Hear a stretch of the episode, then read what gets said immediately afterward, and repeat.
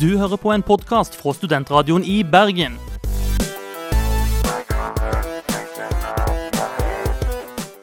Denne og mange andre flotte podkaster finner du på podkast.srib.no. Je t'aime, je t'aime, oui je t'aime.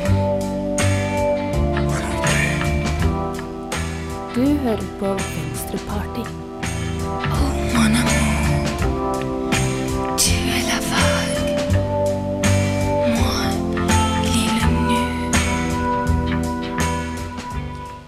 Ja, du hører altså på Asosialistisk Venstreparti på Studentradioen i Bergen. Eh, I studio i dag eh, så er det meg sjøl, Karoline Skuseth, og min eh, medsammensvorne. Og medsjukling, eh. Aksel Kjendeland. Mm. Um, resten av redaksjonen er og sover utenfor en eplehusebutikk et eller annet sted. Jeg vet ikke Hvor, hvorfor. Hvorfor det? Nei, eh, det hørtes rimelig ut når de fortalte. Eh, hva skal vi snakke om i dag? Vi får eh, besøk, storfint besøk i studio av selveste Eno-redaktør Eirik Kydland, som skal snakke litt om, om det nye nummeret av Eno som kom ut nå. Mm, og som vår medprogramleder og fettredaktør Charlotte Mybråten omtalte som mer feministisk enn fett. Ja. Mm. Eh, dessuten så har vi Dessuten, eh, vi, har, eh, vi skal snakke litt om, om takhøyde og KrF. Inger Lise Hansen er som kjent ute i hardt vær for tiden. Blir ikke tatt så veldig, veldig godt imot disse forslagene hennes i moderpartiet. Nei. Slitt lenge, for så vidt. Har det, men nå har de altså fått nok. Mm. Så vi snakker om takhøyde både i, i musikk og politikk.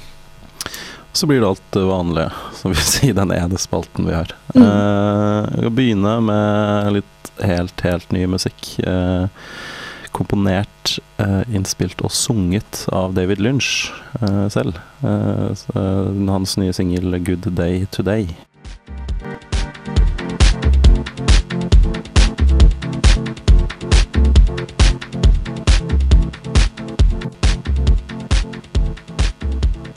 Det var altså godeste David Lynch eh, med en ny plate, stemmer ikke det, Aksel? Uh, Foreløpig en ny singel. Uh, og så kommer det vel en plate etter hvert. Ja. Altså, jeg personlig ser ikke helt likheten mellom, mellom denne singelen og hans filmunivers. Men Jo da, det er jo Jeg vet ikke, Har du sett sånne rabbits og sånn? Nei, den kjenner jeg ikke til. Nei. Jeg blir jo mer og mer Jeg er blitt så glad i digital teknologi, vet du. Men Eh. fjernt, eh, fjernt fra dansende dverger, det er det. Ja, jeg har ikke sett videoen. Kommer sikkert en video snart. Eh, Vi skal snakke litt først om, eh, om en eh, ny aspirerende feminist. Den dreier seg om eh, rosa-bloggeren Marie Amanda, som, eh, som nå har gått ut i media og sagt at eh, nå må det bli slutt på, på at uh, unge jenter uh, så villig kan la oss tafse på på utesteder. Hun mener at uh, at ja, nå har det jo akkurat vært en sak i media om at VIP-klubber må stenge pga. Diskriminer diskriminering av innvandrere. Og at da mener hun at man også burde stenge de klubbene som slipper inn 45-åringer som tafser på jentene. I tillegg så forteller hun at uh, hun og sine kollegaer, da andre bloggere og uh, unge piker, blir tilbudt penger for å bli med eldre menn hjem fra byen. Hva syns du om dette, Aksel? Uh, hva skal man si? Altså, dette er jo en av de mest innflytelsesrike stemmene for mange unge jenter i Norge ja, i dag. eh, jeg vet ikke om eh, det her er et så populært fenomen, eh, eller hva skal man si, eh, at tror du hennes uttalelse har, noe, har noen effekt. Altså, Tror du unge kvinner tenker sånn Nei, kanskje jeg burde la være. Kanskje jeg burde la være. Men hun sier jo også at, at hun forteller om at hun og hennes venninner har Ja, blitt tilbudt narkotika av menn på byen. Så sier hun Jeg var ikke med på noen ekle ting, men jeg vet hvor mye venninnene mine fikk for å suge folk. Jeg vet hvor mye de fikk for å snorte cola, og jeg klarer ikke å se på de jentene som blir utsatt for det nå. Jeg vil bare gå bort og si hei, drit i det der. For jeg ser hvordan det har gått med de jentene som jeg hang med, forteller hun i intervjuet. Mm. Altså Det høres ut som dette er en ganske legitim eh, Ja, eller utbredt. Utbredt. Eh, og vi ser jo her at eh, det mange kanskje trodde var en litt sånn endimensjonal uh, ung jente som har hatt det for lett eh, i livet, eh, plutselig får en helt ny dimensjon, og opptil to-tre nye fasetter. Som å suge folk og snorte cola. Som å kjenne, kjenne folk som de gjør det. Men jeg kan bare si til eh, våre lyttere, spesielt unge jenter, at dette er ikke så vanlig som Marie Amanda skal ha det til å høres ut som. Ja, altså nå, jeg vet ikke, vi frekventerer vel ingen av oss uh, Oslo-klubber med høy, prosentan, eh, høyt Vestland. prosentandel av 45 år gamle menn. Eller hva var det så? 75? Ja, hun, veksler litt uh, fram, og, fram og tilbake Eh. her, da. Uh, eh, at uh, utestedene på vestkanten er de verste. Der er det bare søppelsteder med menn på 75 år som skal sjekke Som prøver å sjekke deg opp, sier hun. Ja. Og eh, ja, kommer da videre til 45-åringer. Så jeg, vet ikke helt hvilke av disse to gruppene var. Eh, en venn av meg bodde på Oslo vest en gang. Mm. Det beste som, eller verste som skjedde, var en gang jeg ble vekket da jeg lå i stuen og sov uh, på sommeren med verandadørene åpen av Jon Skolmen som sto og skrek på parkeringsplassen utenfor. Men han prøvde ikke å voldta det. Nei, han skulle på landtur med sin kone, eller kjæreste. Eh, samboer. Som er en helt grei ting å ha. Ja. Uh, da tror jeg vi skal, mens vi får inn, uh, får inn gjesten vår, så skal vi spille Jeg tror vi skal spille Kanye West, jeg. Som synger om uh, porno og sånne ting. Kjør på.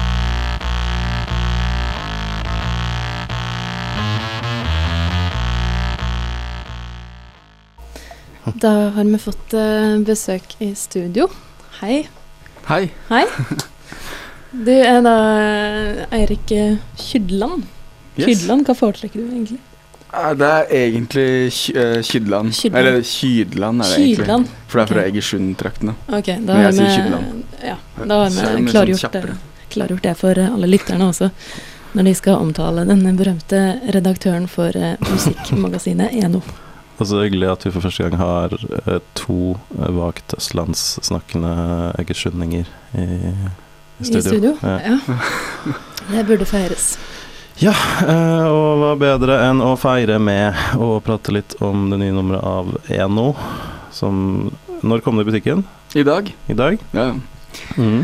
Så det er um, i, ute i Narvesen over hele landet i dag. Og når jeg bare er ferdig her, så kommer det også til å være tilgjengelig i robotbutikken borti Skostredet. Mm. For da går jeg rundt med en, sånn- med en trall, tralle med eh, masse blader på. Dette gjøres på, på gamlemåten. Ja, Det var derfor jeg var litt forsinket òg. For det var så tungvint å gå med en tralla rundt i gatene. Mm. Er det det gamle måten, eller er det nye måten?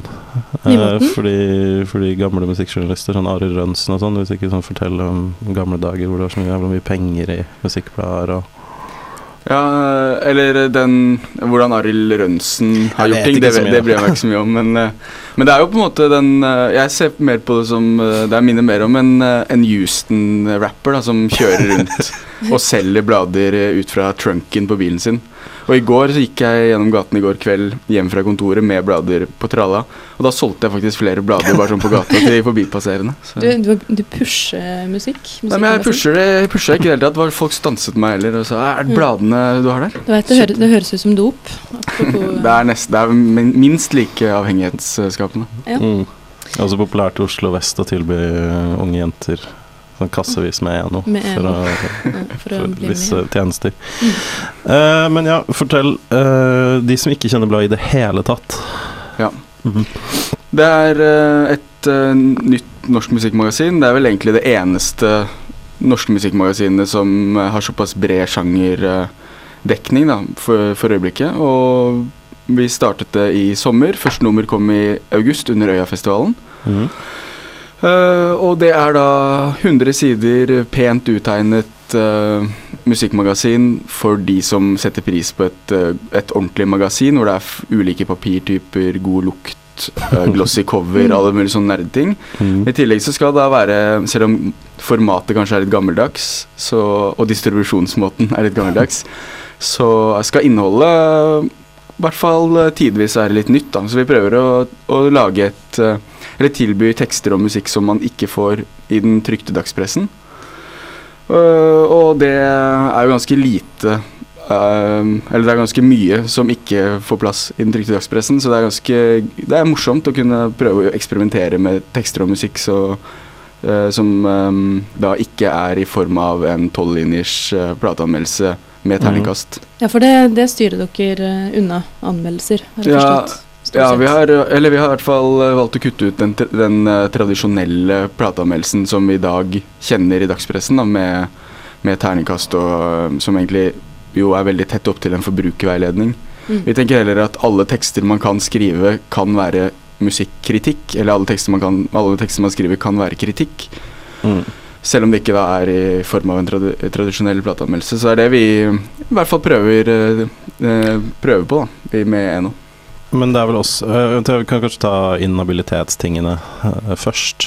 I at både jeg og redaksjonsmedlem Charlotte har bidratt med tekster. Og Karoline faktisk er nevnt i en bisetning i, i min tekst. Oh, ja.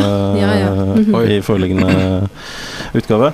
Men det er vel et forsøk også på det her med at øh, det er jo mange av tekstene som Altså de tar utgangspunkt i musikk, men de handler kanskje om andre ting.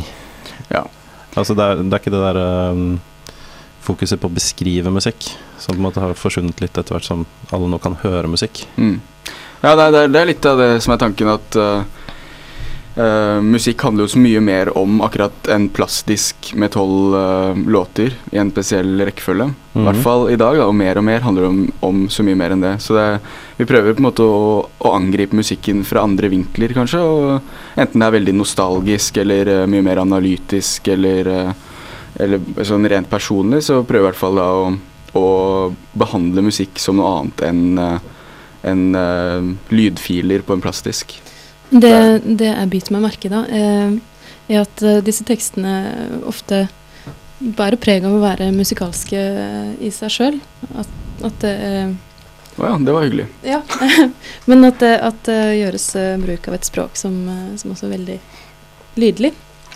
Tanken er jo at det skal være et, en arena der man kan eksperimentere litt med tekstene, og med stil og personlig stil, og med, med mm, Ja, også uttegningsmessig, da. Så det, skal, mm. så derfor, så det skal være rom for de ulike skribentene til å prøve seg fram litt. Uh, I kombinasjon med at vi prøver å ha mer rutinerte um, skribenter som som har skrevet tradisjonelt om musikk i mange år. De kan få lov å leke seg. I tillegg skal det være et sted der unge nye skribenter skal prøve seg fram. Mm.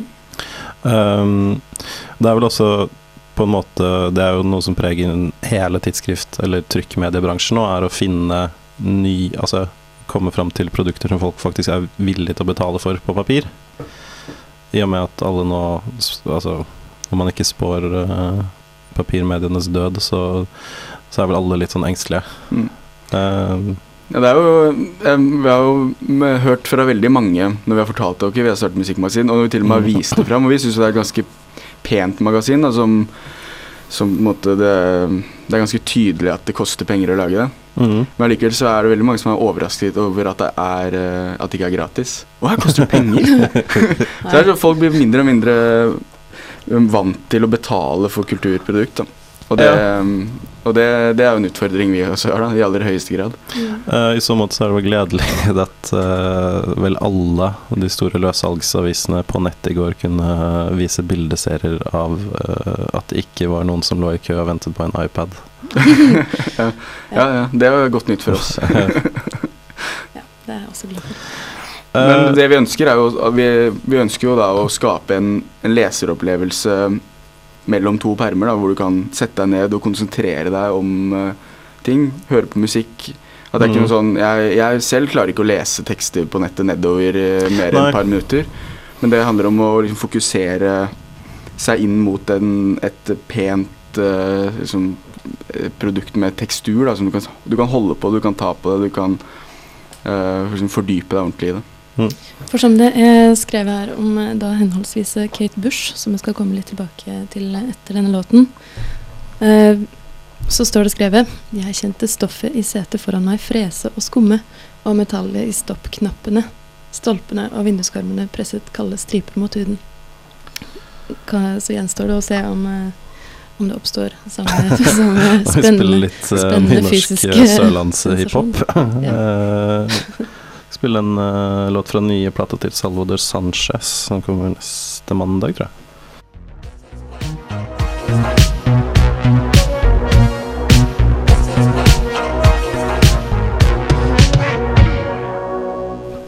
Salvador eh, Sanchez der altså, med låten 'Bottom Funk'. Ja, uh, det, han har en, uh, har en låt på den kommende plata om ereksjonssvikt også, men uh, den er ikke så kul. Er det derfor du valgte å spille? Nei, her er det jo litt sånn utilstrekkelig mann, og kjæresten hans blir lesbisk, og det er en slags sånn rød tråd. Ja, det er jo alle menns største frykt. Uh, ja. Mm. Uh, men ja, plata kommer på mandag. Jeg tror, jeg tror den er fin.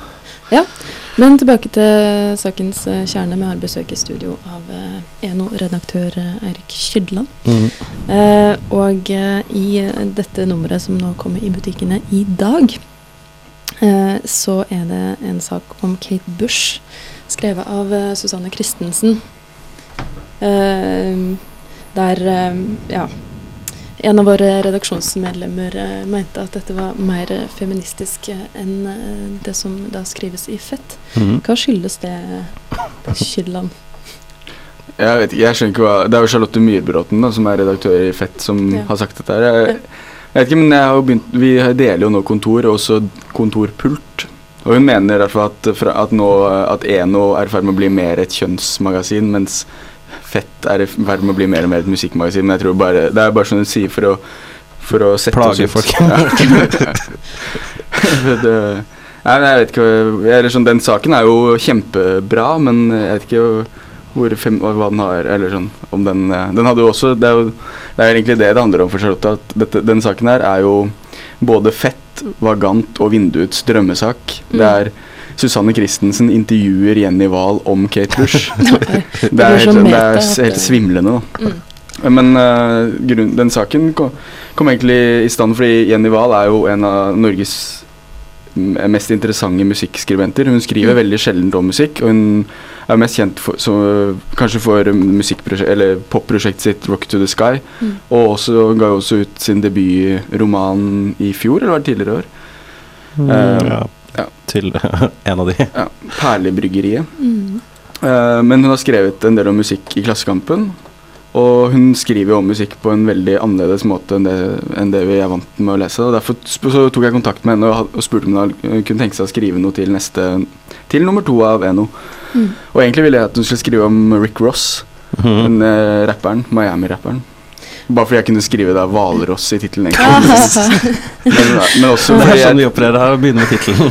Så tar vi derfra. Men da fortalte hun at hun nettopp var At hun satt inn med innspurten i sin masteroppgave om Kate Bush. Og da i litteraturvitenskap. Ja. Så hvor hun da eh, nærmer seg Kate Bush på en ganske annen måte enn mange andre har gjort. Og da var jo det en naturlig sak å ta tak i. For hun skriver jo her bl.a.: blant annet eh, Jeg lytter til platene og opplever et velde av assosiasjoner. Stemmen får meg til å føle at jeg er inni en munn som åpner og lukker seg, eller en kropp som forvandles fram og tilbake mellom å være menneske og dyr, osv. Altså det mm, Poetisk. veldig poetisk. Det er veldig, det er veldig karakteristisk for eh, Jenny Wahle måten å bruke bilder på i sine tekster også. Absolutt. Hun er jo veldig inspirert av Kate Bush også når det gjelder stemmebruken da, som popartist. Så. Men eh, jeg syns hun eh, Hun bare angriper Kate Bush på en helt ny måte for meg. Og, men også kan det virke litt eh, fjernt kanskje første gang man leser dem. Hvis man leser den teksten og hører på Kate Bush og de platene og de låtene de snakker om, så så um, løfter det faktisk noen av de Kate Bush-låtene til et nytt nivå for min del. Altså for, for til tider her så, så fremstilles jo altså Kate Bush eh, nesten som en eh, slags sånn her overnaturlig skapning med, med evne til å bestemme over liv, liv og død og natur og Ja, men Det er egentlig litt det de prøver å gå vekk fra. og det er, sånn, De prøver å ta det helt mer ned på at hun heller bruker stemmen sin da, på en måte som gjør at hun tar kontroll. Mm. Mm. Heller altså, det er hun som tar kontroll med stemmen sin, det er, og de prøver å å fjerne litt av det der mytiske skjæret ved henne. Ja, for hun har jo Altså, i tillegg til å liksom på godt og på vondt være en av de kanskje fire-fem artistene som det er lettest, eller så feminister oftest snur seg til. Da. Du har liksom Patti Smith, uh, PJ Harvey, uh, Jackson Speed. Uh, hun er jo en av de. Men hun er jo veldig, veldig privat, da, eller som du sier, hun er veldig uh, Hva skal man si Tilbakeholden med å utgi informasjon om Mm. seg selv. Eh, og da blir det jo gjerne myte av det. Eh, du har også andre musikere som bidrar. Ja. Knut Schreiner, for eksempel. Ja. Så det er jo fantastisk. han var jeg dødsforelska i. Du var det? Ja, når jeg var sånn Ja, han var jo en av mine store helter og da, var, eh, da han spilte i Kåre Kevin. Jeg var på rockemuseum i, i Trondheim tidligere i høst, og hvor de, i et rom der så har de et slags bord som er som en stor iPad. Uh, og så kan du velge ett av fire band, og hvis du trykker da på den store skjermen, så kommer det opp en sånn sirkel med fem bilder av Kåre Caveman og en live-opptreden. Så kan, du, Fantastisk. kan du gjøre de bildene av Kåre Caveman litt store og sånn. Ja, ja. Aksel Kielland, har du blitt eh, hyrt av eh, Apple for å selge Nei, det er ikke, det er ikke nei, Dette er tredje gangen du nevner er det hyrt av, av- hyrt av rockemuseet Rockheim. Rockheim. Ja. Jeg får gratis skalldyrsalat og brus. Nei, men jeg, eller Knut Schreiner er jo også Han er jo for de fleste kjent eh, som gitarist i Karin Kevin og Turboneger og som produsent også etter hvert, men han er også en han er også en uhyre interessant liksom, musikkanalytiker. Han har gjort Mm. en mer sånn tradisjonell rockejournalistikk-piece, da, hvor han har skrevet om Per Bergersen, som kalles eh, En jokke fra Røros. Som, hvor han da har egentlig skrevet den definitive historien om denne litt sånn mystiske kultfiguren. Som har betydd veldig mye for uh, særlig folk fra Midt-Norge. Men som Mm. for, for folk ellers er, er kanskje ikke fullt så kjent. Eh, som da endte livet sitt tragisk uh, i en eh, sånn draps-selvmordssak etter en lang fest. Mm. Um, det er jo på en måte litt symptomatisk uh, dette her med at du ser vel stadig flere liksom toneangivende norske musikere gjøre nettopp den type ting. Altså sideprosjekter litt sånn Enten om det dreier seg om musikk, eller om det er litt mer sånn der uh, Altså jeg er jo, jeg er jo faktisk en, uh, eller var jo i hvert fall, når det gikk på TV, fan av Thomas Seltzers Trygdekontoret. Mm. Eh, er det også et resultat av liksom den derre uh, endringen av musikkøkonomien? Jeg vet ikke, kanskje, men for vår del så er det egentlig ja, fordi vi i ENO har lyst til å tilby andre stemmer enn de som vi hver dag støter på som mener noe om musikk. Mm. Da, disse eh, typiske musikkjournalistene, så er det mye mer interessant å, å angripe musikken fra forskjellige hold, og da også fra utøverens side, eller en, en pensjonert utøvers side. Mm. Uh, så det er derfor, vi har, derfor jeg syns det er gøy å kunne invitere sånn som Knut Schreiner eller Nam fra Fjorden Baby, som også er en kjempe som sæ- særegen skribent, da. Som også får prøve seg her og skriver om Bone Tugs and Harmony. Mm. Um, og fordi de, de, de har um, de, de tilfører et annet perspektiv, kanskje, til uh, til um, Eller en annen inngangs... Uh, Ja, Mitt, spørsmål var mer altså, altså, Jeg skjønner jo hvorfor øh, du vil ha det, men hvorfor de driver med det. Uh, for det er, altså, det, er, det er ikke så Det er forholdsvis nye ting. At du får Mm. liksom sånn ganske tunge tekster da, av artister om disse tingene. Mm. Jeg vet ikke, kanskje de ikke har fått De har kanskje sittet på backstage-rom i mange år og ikke følt at de har kunnet prate med bandkompisen sin ordentlig om det, Mm. og så har det hopet seg opp. Da. Det, men det er jo et behov for å, å snakke om det man Man har alltid behov for å så snakke om det man driver med, eller formulere noen tanker rundt det man driver med, som man, man kanskje aldri får ordentlig ut når man skal være i den rockestjerne- eller musikerrollen. Mm. Ja, det er ikke så kult å komme av scenen eh, med håndkle over skulderen og sette seg ned og begynne å snakke om poesi. Ja, eller avbryte konserten halvveis for å ha en liten sånn et kvarterslangt eh, foredrag. Det gjorde faktisk Television Personalities. På at Ja. det, var litt sånn hat, det var litt sånn hatsk og vanskelig. Uh, du kan bli med oss eh, videre til neste stikk. Vi skal bare spille en sang først. Og da skal vi spille Museum of Bellas Artes, som har en uh, ny sang siden forrige. Uh, Watch the Glow.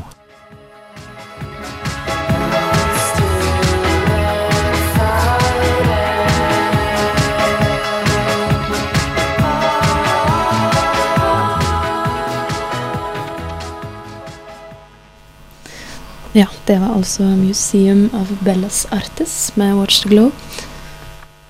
Eh, ja, vi har fremdeles storfint eh, besøk i studio. Mm.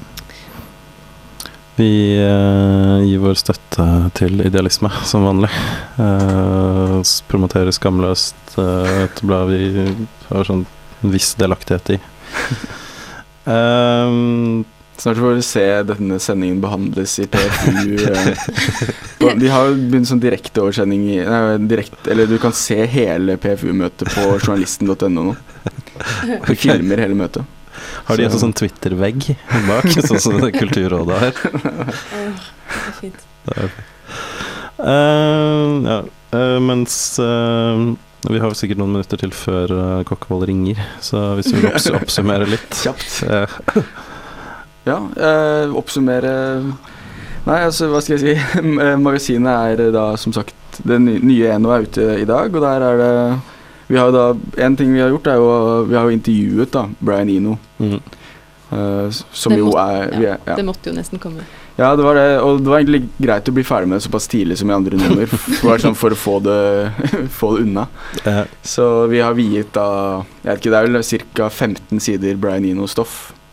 Pluss et uh, omslag. Pluss et omslag som, hvor Kim Hjortøy har um, lagd liksom, Viser sin versjon av, eh, av Brian Eno. Mm. Det er veldig fint for Mm. lytterne våre. takk, takk. Så det er på en måte Dette nummeret så gjør vi oss ferdig med Brian Så kan vi Eno-inspirasjonen. Og så videre. kan vi gå videre. Mm. Men det er også masse annet stoff som vi har snakket om. Da, alt fra, alt fra Bone Tugs and Harmony til Kate Bush. Mm. Um, har du noen oppsummerende tanker om uh, Altså, jeg, jeg kjemper jo en kamp for å døpe om bladet til emo. ja. Jeg innser at det er en mulighet for at det ikke kommer til å skje. At det kommer. At det ikke kommer til å skje. Men det kommer aldri til å skje. Ok. Nei. Hvorfor det? Kanskje du lager et eget Nå det heter med- Jeg skal lage Nei, sånn Emo. fanzine, sånn piratfanzine. Så vet Nå har jeg jeg. til og med vært hjemme hos Brian Eno og vist han magasinet. Så, Mm. og han har bedt om å få tilsendt hvert nummer framover, så det ville bli for komplisert. Skal han lære seg norsk, da? Nei, nei, han, som han sa, det ser ut som et fantastisk magasin. Synd jeg ikke skjønner det i og med at det står på finsk. Ja. Så jeg vet ikke hvor godt han egentlig har fulgt med. Nei. Det er faktisk den eneste sånn der ordentlig dumme amerikaneropplevelsen jeg hadde når jeg var i USA tidligere i, i våres. Var uh, Å, hvor er dere fra? Vi er fra Norge. Å, jeg liker det språket deres. Hva er det dere snakker? Uh, nederlandsk? Ja. Men, men. Så selv en Eh, intelligent fyr som Brian Eno uh, er utlending. Ja, han er det. Veldig. Eh, men da kan jeg jo Jeg skal ikke si løp og kjøp, for det blir uh, Det er ikke. Det vi kan si, eh, er at det er slippefest på Det Landmark neste lørdag. Lørdag 11. desember. Med Sam, hvor, som jeg arrangerer sammen med Line Ira.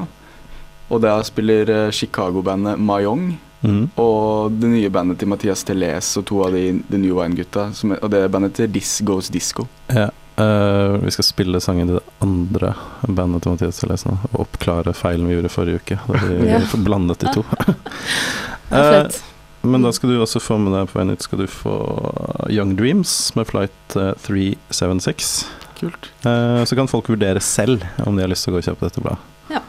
Tusen takk for eh, besøket. Takk selv.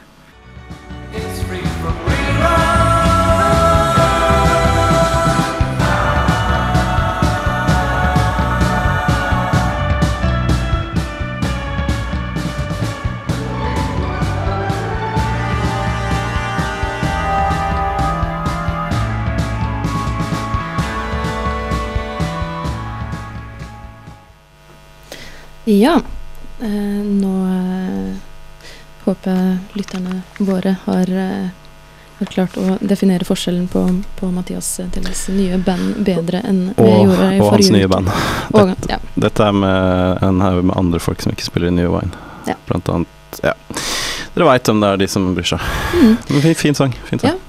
Eh, vi har en, eh, en eh, veldig en høyaktuell sending i dag, og nå skal vi da la oss føre fra musikken til politikkens verden. Nærmere bestemt dreier det seg om Inger-Lise Hansens eh, trøbbel i KrF. Hva er det som har skjedd, Aksel Kielland? Det er vel det vanlige. Hun er en litt sånn vanlig person som prøver å trives og eksistere i et parti som har litt sånn uvanlige Uvanlige synspunkter. For, for hun har jo eh, sjokkert med, med sine uttalelser om at eh, eh, en skal, en skal mm, slåss for en ny politikk overfor eh, Israel. Ja til borgerlig vigsel av homofile. Mm. Så vil hun ha polutsalg i hver kommune. Ja. Uh, og man kan vel kanskje altså Det som alltid slår meg med henne, er hva gjør hun i KrF? Hva, ja, altså hun vil jo ha takhøyde, da. Ja, og hvis det er noen grunn til at KrF har stemmer, så er det jo det at de ikke vil ha takhøyde. De appellerer til den minoriteten som, som holder hardt på verdiene og støtter kampen eh, for et eh, Hva heter det? Et Stor-Israel. Ja. Men det, det, det står jo ikke så veldig bra til eh, uansett, da. Fem, fem og en halv prosent de nå. Um, Mm. Men hun Jeg vet ikke. Hun øh, KrF er vel øh, I hvert fall kjernevelgerne. Sørlandsfløyen. har vel alltid ligget ganske langt mer åt konservativt hold enn Norske kirke, f.eks. Norske kirke er jo fryktelig liberal. Det er jo ikke Ja, er det nå det, hvis du Ja. tenker på godeste biskop eh, Kvarme og Jeg vil si at det at Jon Gelius har fått lov å holde på som han har holdt på såpass lenge, det er, det er liberalt. Sånn at uh, Kvarme nå slo ned på Gelius som en sånn der eh, velmenende far som nå har fått nok og endelig innsett at han må altså- adoptere bort dette problembarnet. Hvis han jobbet i Jeg vet ikke, hvis han jobber i Statoil, liksom. Jeg tror ikke han får holdt på sånn der. Nei.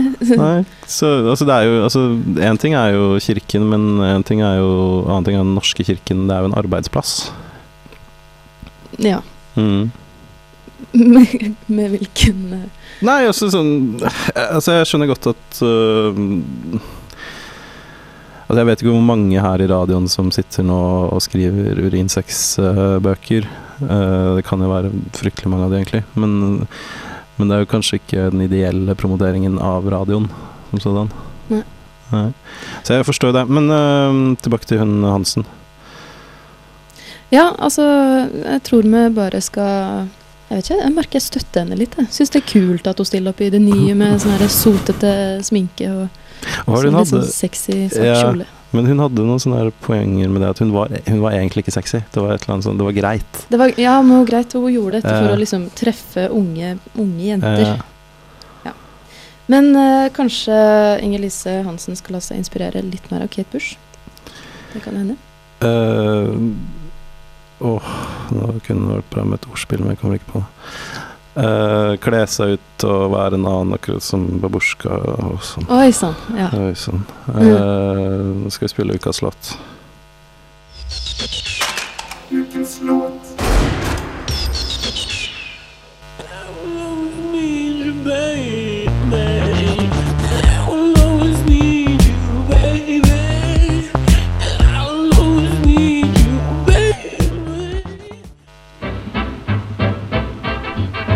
Trenger et råd. Jeg trenger vink. Jeg trenger hjelp. Jeg trenger hint.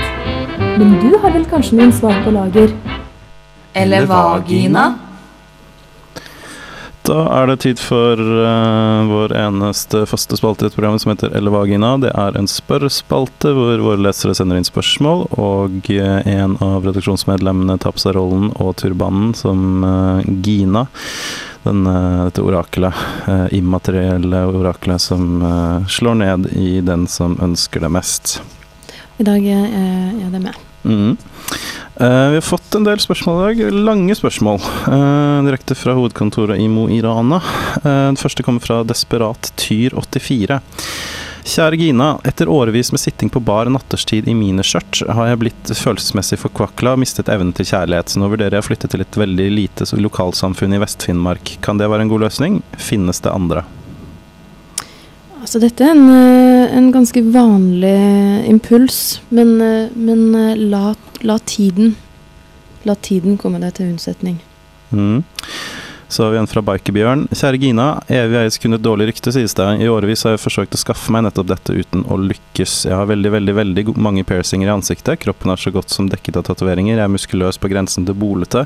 Har en krass og direkte måte å tiltale folk på. Ikler meg ofte skinnantrekk. Unnskyld.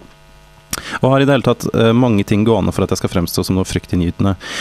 Jeg er egentlig veldig snill og god, men vil allikevel ha et dårlig rykte som kan komme meg i forveien, slik at folk besitter en, en selvsagt da helt ubegrunnet frykt for meg. Eh, Jeg vil rett og slett bli fryktet. Nå har jeg analysert meg selv litt og kommet fram til den eneste mulige forklaringen på hvorfor jeg ikke fremstår som kroneksempelet på en skumling.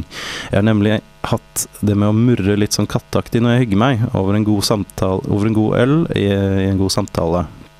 Om noen tilfeldigvis berører meg, så setter jeg i gang som en motor. Murr, murr, murr.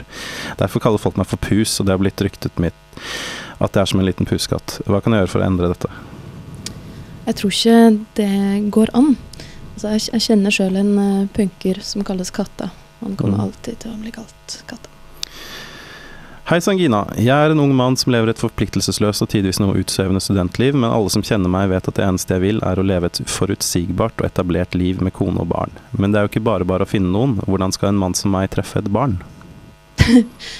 um, jeg kan jo ikke, dessverre ikke støtte akkurat den der. Hold, hold det over eh, myndig, myndighetens eh, Ok. Ble litt uh, perpleks. Eh.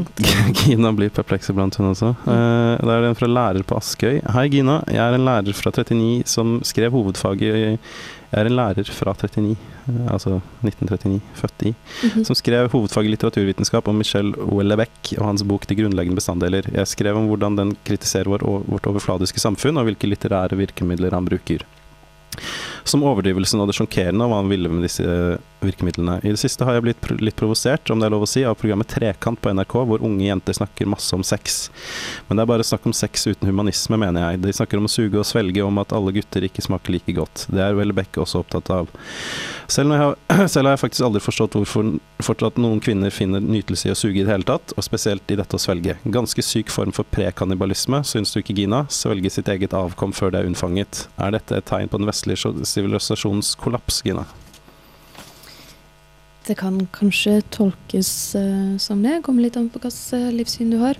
Men uh, husk, husk vær, vær åpen for uh, ulike synspunkter. Da har vi en fra Rådvill på Røa. Hei sann, Gina. Gynekolog Gundersen her.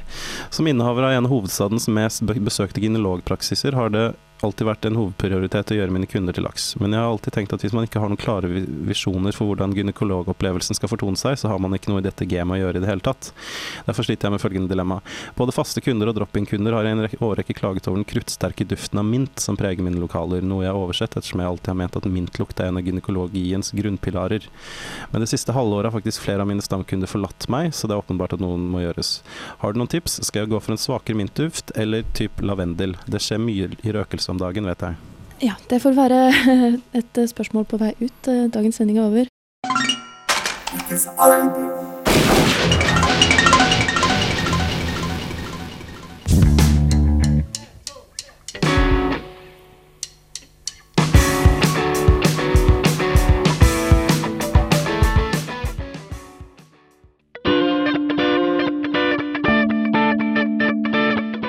Du hører på en podkast fra Studentradioen i Bergen.